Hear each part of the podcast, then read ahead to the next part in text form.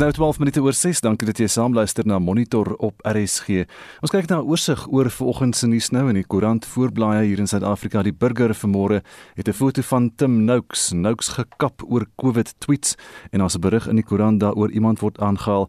Ek stel voor jy vra jou mediese skool om jou geld terug te gee en dit is nou die storie oor Tim Noakes. Hy gooi weer vet op die vuur en al die beriggewing dan daaroor in die koerant vandag. Die hoofberig op die voorblad van die burger stryd om SA se metro's skop af. DA stel burgemeesterskandidaate bekend, ANC keur nog en dit is nou al die kandidate vir ehm um, Kaapstad natuurlik en dan wat hulle sê die slagveld metro's Johannesburg, Tshwane, Ekurhuleni, Nelson Mandela Bay. Ons gaan ook later vanoggend hier op monitor dan nou berig oor die burgemeesterskandidaate Jordan e. Lewis is die Kaapstad se burgemeesterskandidaat.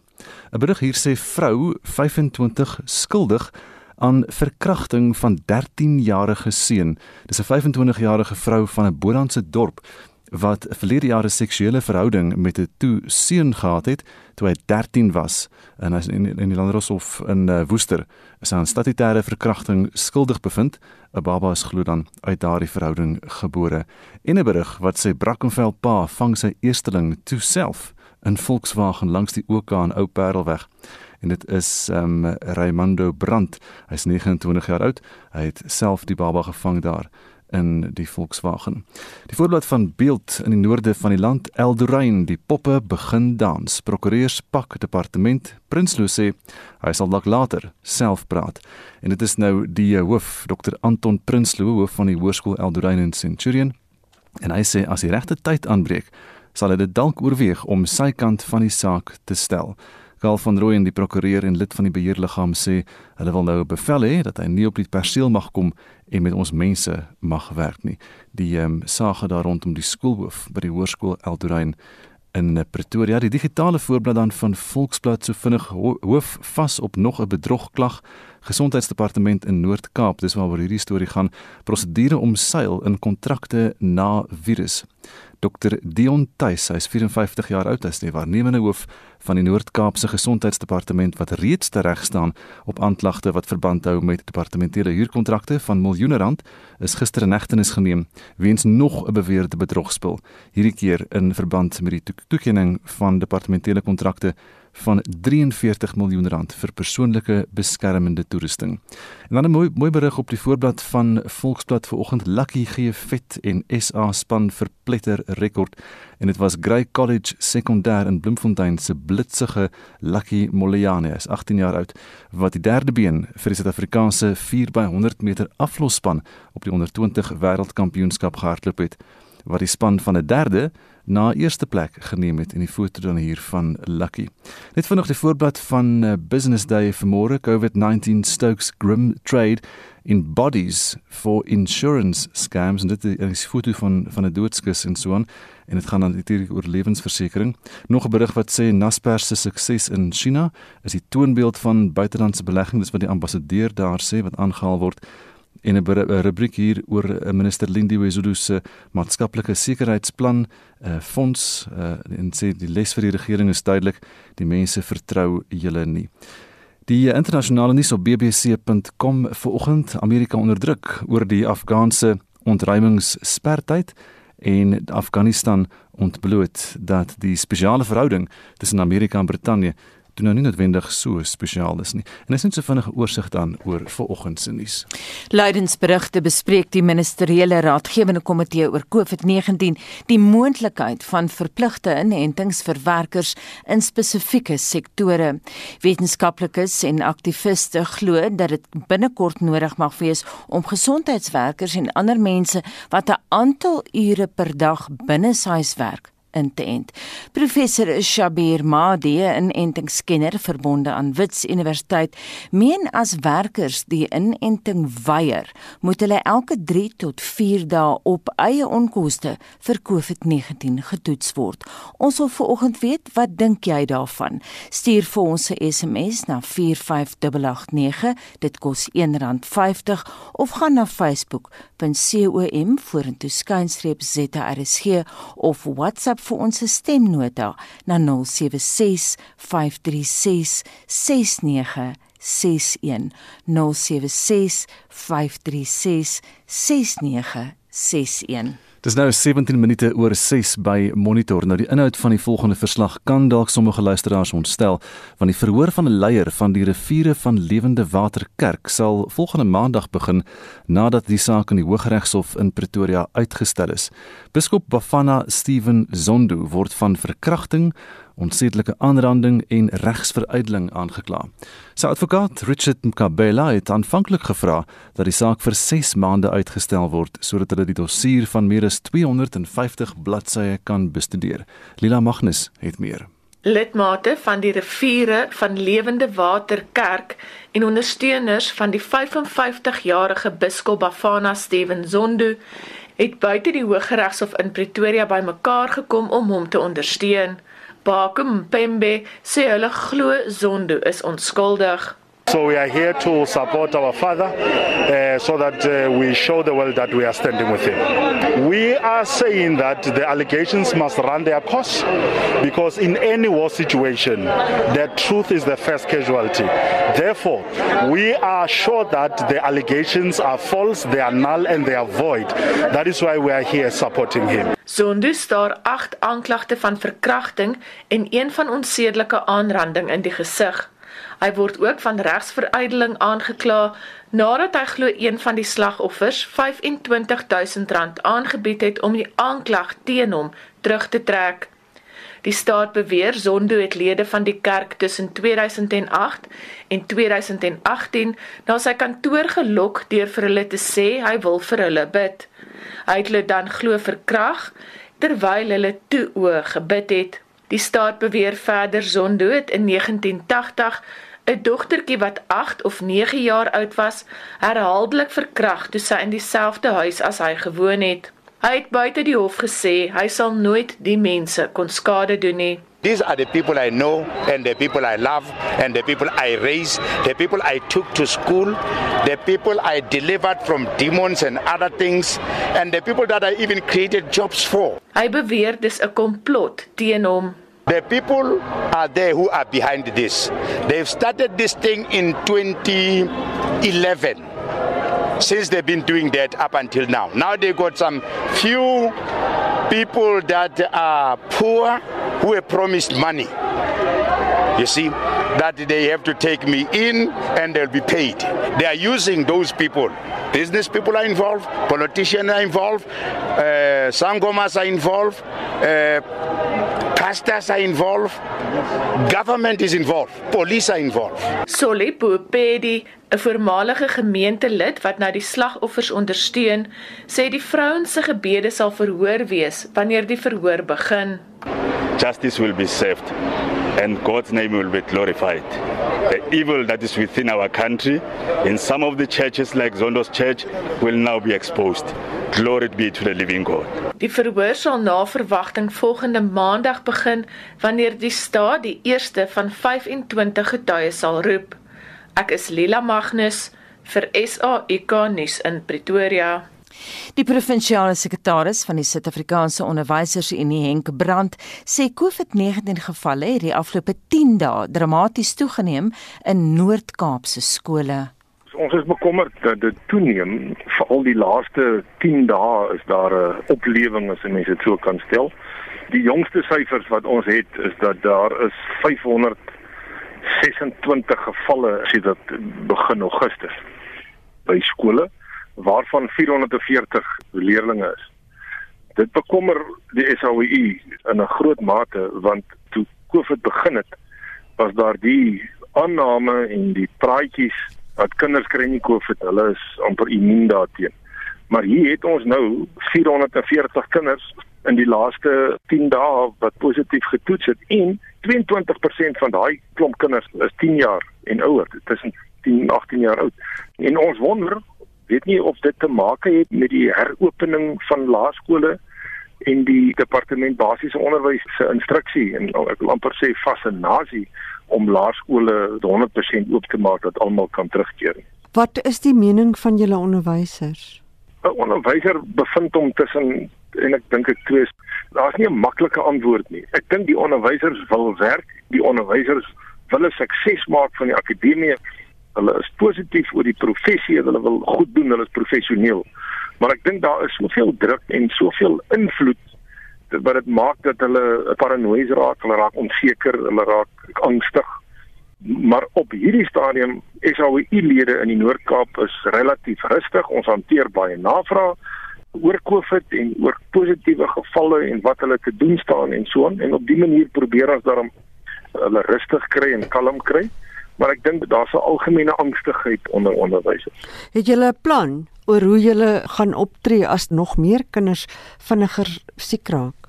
Ja, Mitsi, ons is deel van die onderwysdepartement se ek het net die Afrikaanse woord nie, die Occupational Health and Safety Committee wat nou binnekort gaan sit, hopelik hierdie week nog en dat ons daar kan gedagtes ruil want kyk die enigste plan teen die ding is om die skool te sluit en te isoleer en nie kontak te maak maar nou is die kurrikulum onder druk en skole is onder druk. Ons het gewaarsku. SOU Noordka het by herhaling gewaarsku teen die oopmaak van skole. Dis 'n eenvoudige beginsel. Die land heen die oomblik as daar groepe bymekaar kom is daar 'n oplewing in positiewe gevalle. Wat is skole anders as groepe bymekaar. En dit gaan nie net oor die kinders nie, dit gaan oor die onderwysers en dit gaan oor die verspreiding van die virus. 'n Klaskamer wat ten volle oopmaak. Ek weet nie wat die prentjie van die buitewêreld het van 'n klaskamer wat teen 'n volle kapasiteit hardloop nie, maar die prentjie wat ek sien, is die werklikheid. Is 40, 45 kinders, tot 60 kinders in 'n klaskamer. Nou Daar's geen manier hoe jy enige sosiale afstand daar kan handhaaf en ten spyte van maskers die mediese wetenskap sê vir ons. Uh, as jy 15 minute of langer binne 1 meter van 'n ander mens af is, dan is die kans vir die verspreiding goed. Hier praat ons van periodes van 30 minute in klaskamer van 40 van 50 kinders. Hulle sit teen mekaar. Wat weet jy van die voorstel van 'n verkorte afstand tussen kinders? Wel, dis 'n ding wat op die tafel is van die departement van basiese opvoeding. Ek weet op 'n nasionale vlak die SAU en en ander vakbonde heftig daarteen reageer. Ek dink dis 'n absurde idee. Hier sien ons dit dan nou. Die persepsie is waar die skole oopgemaak het, is daar nou 'n oplewing in die virusgevalle. Sport maak oop. Ons is glad nie teen sport nie. Kinders moet dit doen. Ons is positief daaroor, maar ek dink net die tydsberekening nou is, nie goed genoeg. En dit was Henk Brandt, hy is die provinsiale sekretaris van die Suid-Afrikaanse Onderwysersunie in die Noord-Kaap en Mitsi van der Merwe het daardie onderhoud met hom gevoer. 25 minute oor 6 die minister van Landbou en Grondhervorming, Toko Didiza, vra werkers in die landbousektor om hulle te laat inent teen COVID-19. Sy sê in 'n verklaring dat hierdie 'n belangrike sektor is wat 'n 3 kwart miljoen werksgeleenthede behou het in die medium termyn. Die uitvoerende direkteur van Agri SA, Christo van der Rede, beam die minister se pleidooi. Ons is baie bemoedig uh, deur die feit dat baie van ons plaaswerkers en ook plaaseienaars is druk besig om hulle self ingeënt te kry. Ons as AgriSA ondersteun die regering se inentingsprogram ten volle want dit is vir ons die beste manier om uh, ons mense te help om nie COVID uh, te kry nie. Ons moedig ook alle mense aan wat op hierdie oomblik nog onseker is om hulle te vergewis van die feite en dan uh, die nodige stappe te neem om hulle self te beskerm. Die uitvoerende direkteur vir die organisasie vir landelike en plaaswerkerontwikkeling, Billy Klasen, sê egter die inentingsproses in dele van die Wes-Kaap vorder teen 'n stadige pas. Ongelukkig is plaaswerkers val plaaswerkers nou in die kategorieë van die ouderdomsgroepe en is daar nie 'n spesifieke uitreiking na plase toe nie in die in die landbousektor en dit is wat ek baie graag sou wou gehad het. Maar plaaswerkers word in baie gevalle word hulle ook terugverwys as hulle nie geregistreer is nie en dan moet hulle eers gaan om te gaan registreer en dit moet ook stop want mense moet gaan na inentingsfasiliteite toe en hulle kan dadelik geregistreer en ingeënt word. Ons ervaar probleme waar daar in sommige gevalle by klinieke nie genoeg enstowwe is nie en dan moet plaaswerkers weer teruggaan en volgende keer weer terugkom en dit maak dit baie moeilik vir hulle van hulle moet in sommige gevalle is dit 'n uh, plaasbewoners wat nie werk op die plase nie en wat hulle eie vervoer moet moet kry. So ons voel dat die Weskaapse regering moet meer daadwerklik optree en meer enstowwe beskikbaar stel vir al vir landelike gebiede. In hierdie stadium is al goeie nuus wat ons het, die plaaswerkers en veral jong mense op plase en in landelike areas wat ook baie graag die enstof wil vat. Maar dit is nie beskikbaar vir hulle nie. En daarom vra ek dat die regering, die Weskaapse regering moet daar toesien dat daar genoeg enstowwe is as mense uitgaan of die amptenare uitgaan om ons plaaswerkers veral te vaksineer. Hy sê daar is gevalle by hulle aangemeld van boere wat nie hul werkers wil help om die enstof te kry nie. In sommige gevalle is daar gerugte waar boere nie hul werkers vat om ingeënt te word nie en werkers moet self sien om daar te kom by die inentingsfasiliteite. Ons wil boere versoek om hul werkers en ook van die plaasmense te vat om hulle te laat inent wanneer die geleenthede dit uh, daar daar is. En dan ook wil ek met ons plaaswerkers praat en vir hulle te vra om hulle nie aan die conspiracy theories te stuur nie en te gaan vir die inenting. Dit is die regte ding om te doen. Intussen sê 'n administrateur van arbeidsake by Agri SA, Lebogang Setusha, dat dit nie oral so gaan nie. The sector is eager to assist in the vaccination rollout as seen by the number of farming operations that have offered their premises as vaccination sites. The challenge faced by the sector is reaching farmers and farming operations in deep rural communities that are out of reach from the existing vaccination sites. Furthermore, there is a need in accessing enough volunteers who can assist as nurses and vaccinators temporarily in these rural communities. That is why the sector is currently assisting the department in mapping out farms and farming operations within these communities with a greater need for vaccination sites. We are also encouraging the use of mobile clinics for farmers with a larger workforce but who are below the threshold for the department to create a vaccination site.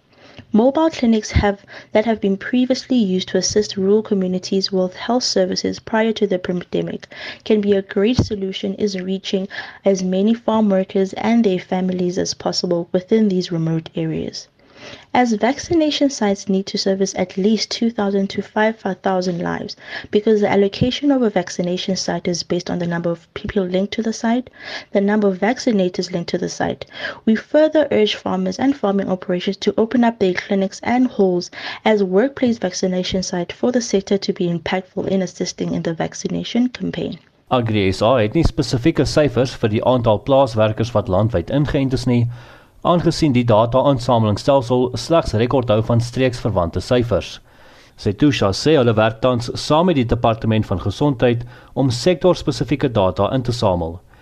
Die minister van landbou, Toko Didiza, het intussen die sitrusbedryf bedank vir hulle inentingsinisiatiewe op plase en in pakhuise. Ek is Justin Kennerly vir SI Garnis. En daarvan gepraat hier is Estie. Ora van Drogenbroek sê oor of entstowwe verpligtend moet wees al dan nie elke werkgewer het maar kontraktuele vereistes waaraan die werknemer moet voldoen.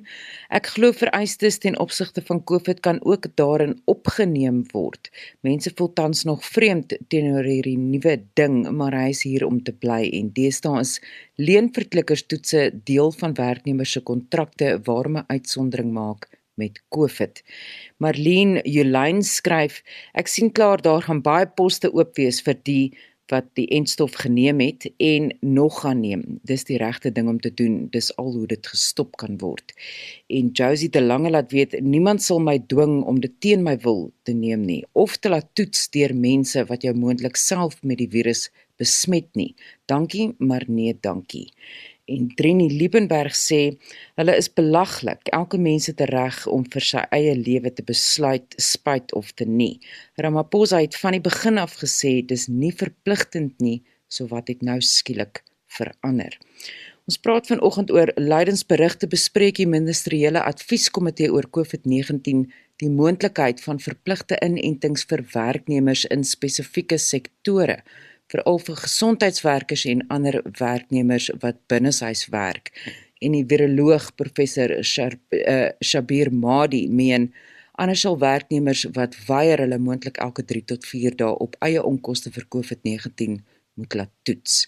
Wat is jou mening hieroor? Stuur vir ons 'n SMS na 45889. Onthou dit kos R1.50 per SMS. Gaan deel jou mening op ons Monitor en Spectrum Facebookblad of WhatsApp vir ons stemnota na 0765366961. Dis nou 25 minute voor 7 by Monitor nou onbevestigde boodskappe op sosiale media wat mense aanmoedig om die land tot stilstand te dwing, het sommige inwoners van KwaZulu-Natal laat terugdink aan wat hulle verlede maand deurgemaak het. Soortgelyke boodskappe het in Julie tot wydverspreide onrus in KwaZulu-Natal en in Gauteng gelei. Die teenwoordigheid van die polisie en die weermag was gister opvallend by verwagte brandpunte soos by die Mooi Rivier Tolplaza en by winkelsentrums. Dries Liebenberg berig. Na aanleiding van boodskappe op sosiale media dat daar glo beplan is om die land tot stilstand te dwing, het die nasionale gesamentlike operasiesentrum aangekondig dat veiligheidsmagte op 'n hoë gereedheidsgrondslag geplaas is om die orde te handhaaf. Baie mense kon nie help om terug te dink aan die geweld wat verlede maand afgespeel het nie. Mense van Bambai in die noorde van Durban het gesê verlede maand se onrus het net swaar kry meegebring. Feeling so bad because our shop, they were banned our shop. Now it's hard to buy anything in the shop. We have to take the taxes to buy the, the grocery. Even if you want a small thing, you have to take the taxes. It's very bad to me. Because uh, most of people lost their job, as they did with the previous shutdown. And uh, our economic growth will also go down. They arrested Zuma, so people they were angry about it because in parliament lots of people doing their things. But why they are into Zuma? That is why the the cause of everything. Die gebied grens aan Phoenix wat erg onder kritiek deurgeloop het nadat 33 mense tydens die onrus dood is in beweerde rasgemotiveerde aanvalle. Hierdie mense van Phoenix sê die jongste oproepe het hulle bang gemaak. You wake up in a day, you're expecting to go for work and then and then you see such messages on the phone and stuff and then you don't know how the day will, will be like, you know. We're optimistic we just don't know. We're just scared at the moment, but uh, we're just waiting to see what's really happening. But at the moment, everything is going on calm and everything is going on well. So we just wait and see what happens. We can't do nothing. We got no money. Plus, we're sleeping on the road. No one is coming here in, in our town in a plaza to sell everything. We don't. We got no work. Nothing. So we don't like the violence. We're saying stop the violence in South Africa. Verkeer by die Mooi Rivier tolhek op die N3 is nie geraak nie. Die N3 tussen Durban en Gauteng is 'n lewensaar van die land se ekonomie. Lede van die polisie en weermag is by die tolhek ontplooi. Laas maand is 28 vragmotors daar aan die brand gesteek. Skosana Mtiane is een van die vragmotorbestuurders wat by die tolhek aangedoen het. To be honest with you, I am worried right now because as you know the situation that the trucks are getting banned and and all those things. So our life is in danger here in, in Yes, by that time I was in Devon, eh? and we couldn't go anywhere. The food was finished. We couldn't do anything, anything. I was stuck there, yeah, for the whole five days. Now, what I can say to the community, it is that uh, the solution, it is not to ban the trucks because uh, if we ban the trucks, there will be no food. There will be nothing in the in the whole of South Africa. Nog 'n vragmotorbestuurder, Keta Mankele, vertel hoe die onrus hom geraak het. Last month's unrest had a huge impact on us as our salaries were cut. Since there were days we could not work, I appeal to the community that they need to rethink that banning trucks is not a solution to their grievances. Distractions of national roads will only cripple our economy. In Umlazi in die suide van Durban sê Nontobeko Mbokazi en Nomasonto Ndlela dat hulle ondanks die onsekerheid geen ander keuse gehad het as om soos gewoonlik op die sypaadjie te smous nie. I have kids. I do not have a job. That is why I chose to wake up and ignore these messages. I'm the only breadwinner at home. I was never going to support this shutdown. The previous one destroyed our business so hard. We need money. We cannot support such. Die KwaZulu-Natalse regering het aan staatsamptenare gesê dis 'n gewone werkdag, maar het hulle aangeraai om ekstra versigtig te wees. Hierdie berig saamgestel deur Manoshni Pillay en ek is Dries Liebenberg in Durban. Dis 20 minute voor 7. Dankie dat jy saamluister na Monitor. In 1976 het die Amerikaanse akademikus professor Samuel Huntington vir die eerste keer gewaarsku oor 'n sogenaamde clash between civilizations Hy het al gewaarsku dat die volgende wêreldoorlog 'n oorlog tussen verskillende beskawings sal wees. En nou het president Vladimir Putin vanuit Moskou die weste gekritiseer oor hulle inmenging in Afghanistan. Hy sê Amerika en NAVO se inmenging in lande met ander kulture is onwys. Trouwens, hy gebruik die woord folly. Vanoggend praat ons daaroor met Roland Henwood van die Universiteit van Pretoria. Môre Roland. Goeiemôre Anita. En Liesel Louwel dra van die Instituut vir Sekuriteitsstudies ook in Pretoria. Môre Liesel. Môre Anita, môre aan almal. Roland, kom ek begin by jou. Dis nogal baie ironies dat die kritiek van die Russe afkom gegee word die feit dat hulle self in Desember 1979 Afghanistan ingeval het, maar dink jy dit gesê? Putin net 'n punt as hy sê jy kan nie net kom in jou eie politieke en kulturele standaarde afdruk op ander lande nie. Ja, Pieter het 'n punt weet, maar ek dink 'n mens moet 'n bietjie versigtig daarna gaan kyk. Dit is nie so simplisties om as om net te sê jy kan nie dit doen nie, want wat Putin van praat is die weste mag dit nie doen nie. Hy sluit homself nie daarbey in nie. Ehm um, kyk net wat hy besig is om te doen in die Oekraïne. Kyk wat hy besig om te doen in ehm um, Oos-Europa en die breë en en ek dink dit is wat dit moeilik maak is dat ander mag dit nie doen nie maar as dit in my belang is dan kan ek dit doen. Putin is besig om dit in Sirië te doen en ek dink dit is wat dit 'n moeilike gesprekspunt maak. So op 'n rasionele vlak natuurlik kan jy nie net inkom en jou wil op ander gaan afdoen sonder dat mense instem daarmee nie en sonder dat mense tevrede is daarmee nie. Maar ongelukkig in die internasionale politiek waar eie belang en mag dit groter waarde het vir leiers is dit nie 'n reël wat uniform toegepas kan word of as 'n reël eers aanvaar kan word nie. Dis 'n interessante verskynsel in Liesel. Jy beweeg nou baie in Afrika rond en het eerstens ervaar wat in 2013 uh, in Timbuktu in Mali gebeur het en nou onttrek die Franse weermag nou weer daar nadat hulle pogings om vrede te skep onsuksesvol was. Is daar 'n parallel te trek met die FSA in Afghanistan? Ja, daar is nou baie mense wat parallelle daar trek omdat Frankryk ehm um, die helfte van sy soldate gaan onttrek, nie almal nie, maar uh, hierdie ehm um, amper 10 jaar wat Frankryk nou in in um, Mali en in die res van die Sahel betrokke was, ehm um, was baie ongewild um, tuis in Frankryk, maar ook daar sterk anti-Franse sentiment. So mense vrees nou dat daar 'n soort van radikale oorname gaan wees want hierdie ingryping was was teen um, radikale islamitiese groepe uh, ook verbind aan Al-Qaeda, ISIS ensovoorts. Ehm um, die situasie is baie meer kompleks as ehm um, die, die, die parallelle met Afghanistan miskien toon. Ehm um, en van mense se vrese is ongegrond omdat ehm um, eers is in ehm um, hierdie lande soos Mali is wat al tradisioneel nog so voor die koloniale era 'n soort van 'n gematigde Sufi Islam en hulle is eintlik beïnvloed deur die Midde-Ooste nou die laaste tyd. Ehm um, en dan ehm um, ek sou sê wel Frankryk dit is nie soos die Amerikaners nie hulle is wel ingenooi en gevra om om betrokke te raak. Ehm um, maar ek sou sê dit dit in in in Israel en in die, in South en Afghanistan ook hierdie hierdie Franse ingryping het nie in die eerste plek gegaan oor waardes nie om nou terug te kom by Huntington. Ehm um, dit is dit was 'n militêre projek.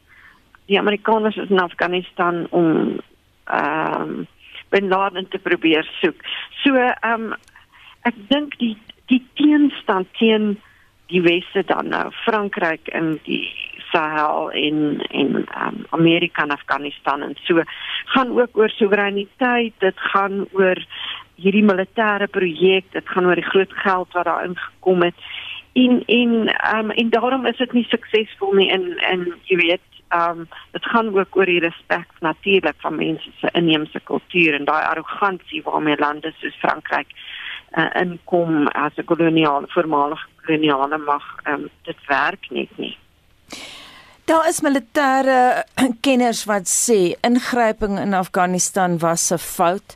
Nou wil ek vir jou vra Roland vir erger ingrype deur die weste nie situasies wat reeds plofbaar is nie. Dit gaan afhang, ek dink nie mens kan vir die voet sê dit gaan dit vererger nie. Dit gaan afhang van wat is die redes vir ingryping, die motivering, wat is die verhoudinge wat bestaan en dan baie belangrik, wat is die uiteindelike doelwitte? En ek dink as jy net deur na Afghanistan gaan kyk, Indien jy eng militêre doelwitte het, is dit relatief maklik om gegee die magsverskille om daai doelwitte te gaan bereik. Die probleem is wanneer daai doelwitte bereik is, wat is jou onttrekkingsstrategie? Het jy 'n einddoel en indien jy dit bereik, hoe onttrek jy uit daai konfliksituasie uit? Of hoe onttrek jy uit daai staat uit? Indien jy 'n politieke doelwitte het wat langer termyn raak, wat saam met die militêre um, ontplooiing loop, dan raak dit moeilik en dit is waar Afghanistan en self Sirië, ag Sirië, maar ook ehm um, Irak 'n probleem geword het. En nou begin jy met 'n militêre ontplooiing politieke doelwitte nastreef, soos demokratisering. En dit maak net gewoon nie sin nie, dit gaan nie suksesvol wees nie.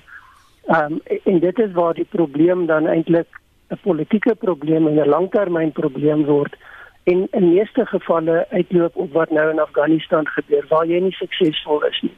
Indien jy nie korttermyn doelwitte het en 'n daadwerklike oorwinning behaal nie. En dan praat ons van in terme van die Tweede Wêreldoorlog waar jy dan jou wil kan afdwing, dan gaan jy onwaarskynlik jou doelwitte bereik en jy gaan onwaarskynlik situasie skep waar jy in glorie onttrek aan daai konfliksituasie. En dit is wat dit krities belangrik maak dat daar 'n ander vorm van ehm um, intree in 'n situasie is. En intree bedoel ek in 'n positiewe sin wat is die basis die ooreenkoms? Is daar 'n versoek? En en weer eens wat is die ooreenkoms daarvan?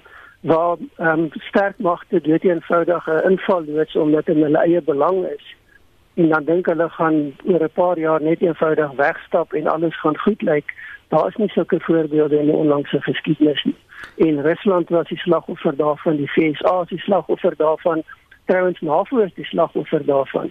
En dan gaan kyk 'n mens byvoorbeeld wat het in Libië gebeur. En en dit is eksterne ingrype ehm um, wat gemaak word. Dit is ingrype wat met korttermyn militêre doelwitte gemaak word, maar wat langer termyn ehm um, gevolge het. Dit werk net eenvoudig nie uit nie. Jy los gewoonlik nie 'n beter situasie na die tyd nie.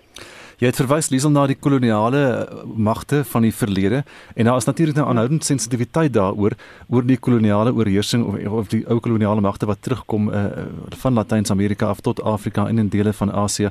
Um, is daar nog 'n plek in vandag se wêreld soos ons nou vandag die wêreld het vir hierdie uh, nasiebou projekte uh, van Amerika byvoorbeeld soos in Irak en en so on. Is daar plekke waar dit gewerk het?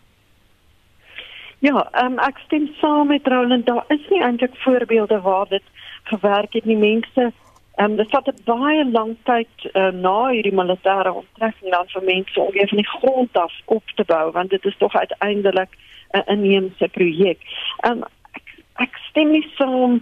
Wel, ehm um, mense, jy weet dit is so 'n argument om te sê, ehm um, demokrasie is nie goed vir Afrika nie. Jy weet dat enige mense wat sê westerse waardes kan nie ehm um, afgedwing word of uh jy weet dat dat 'n mens ehm um, baie versigtig moet wees. Mens moet versigtig wees oor mense oor mense se waardes, maar daar is sekere dinge van individuele vryhede wat hmm. inheems is en wat mense dan ehm um, nadat so ehm um, besetting plaasgevind het, kan ek amper sê mense onttrek het dan word daar weer van die grond af opgebou. Maar ongelukkig is daar gewoonlik in soos in Irak en in baie plekke is daar dan 'n soort van 'n swaai na die ander rigting toe. Na meer radikale ehm um, eh uh, weet autoritaire staat ehm um, sharia wette en so net kyk dink na die noorde van uh, Nigerië en uh, Boko Haram en sulke plekke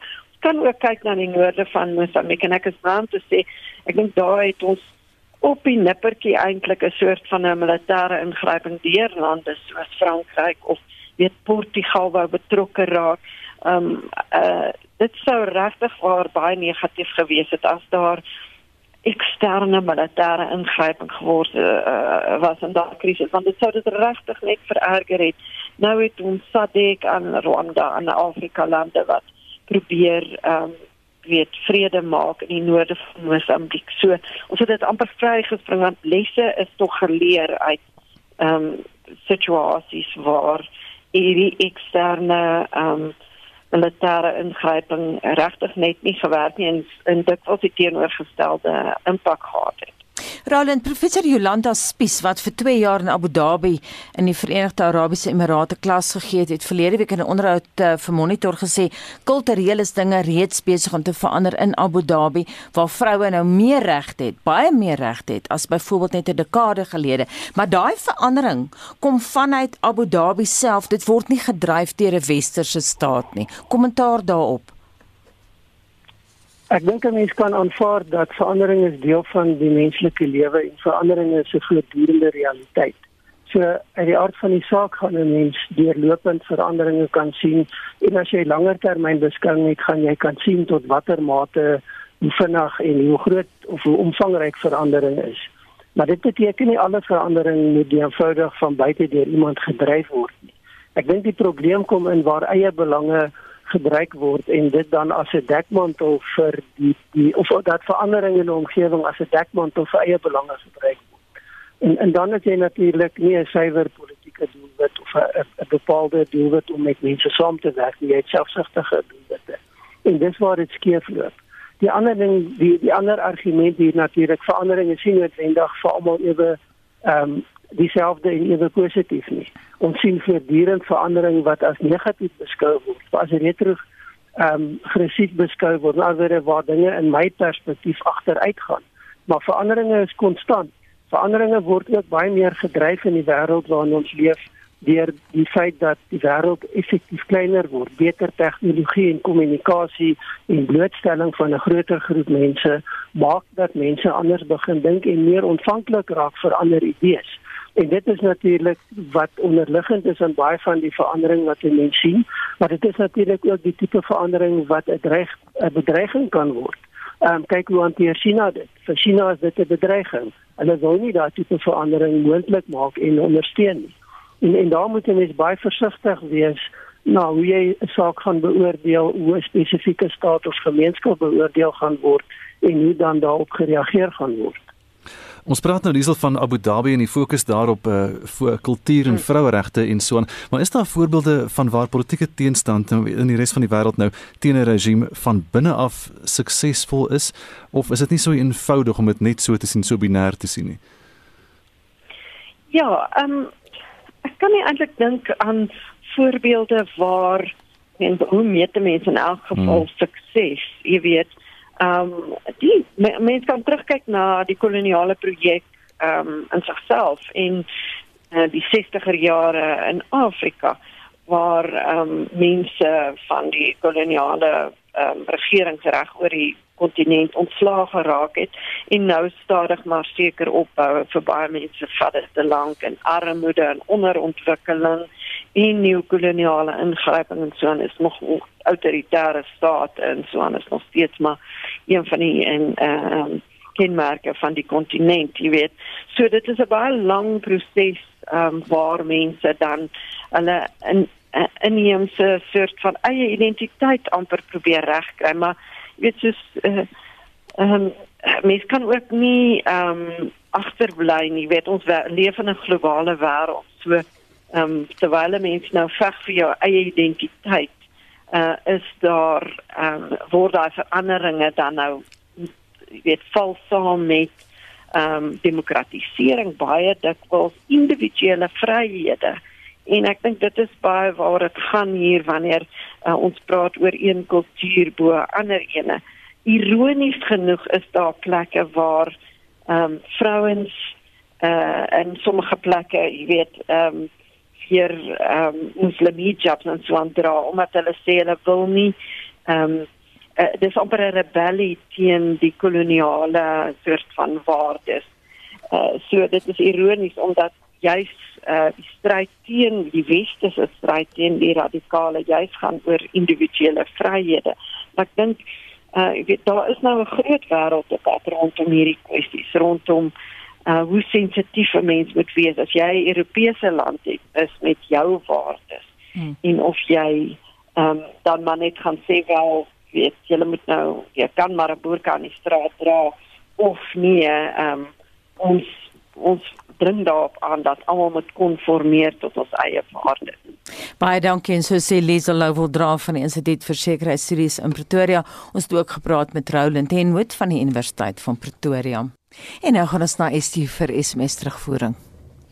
Ons bes, ons bespreek vanoggend die moontlikheid van die ministeriële advieskomitee oor COVID-19 wat sê verpligte inentings kan dalk moontlik wees vir werkers wat in spesifieke sektore werk en Rex Bester skryf ek vermoed dit sal uiteindelik verpligtend word reeds ten opsigte van sekere reise na ander lande van toepassing en Rex sê ek ondersteun verpligte inenting veral binne 'n werksmilieu En Susan Marie skryf dit is louter 'n snert. Ons grondwet sê daar moet 'n vryheid van keuse wees.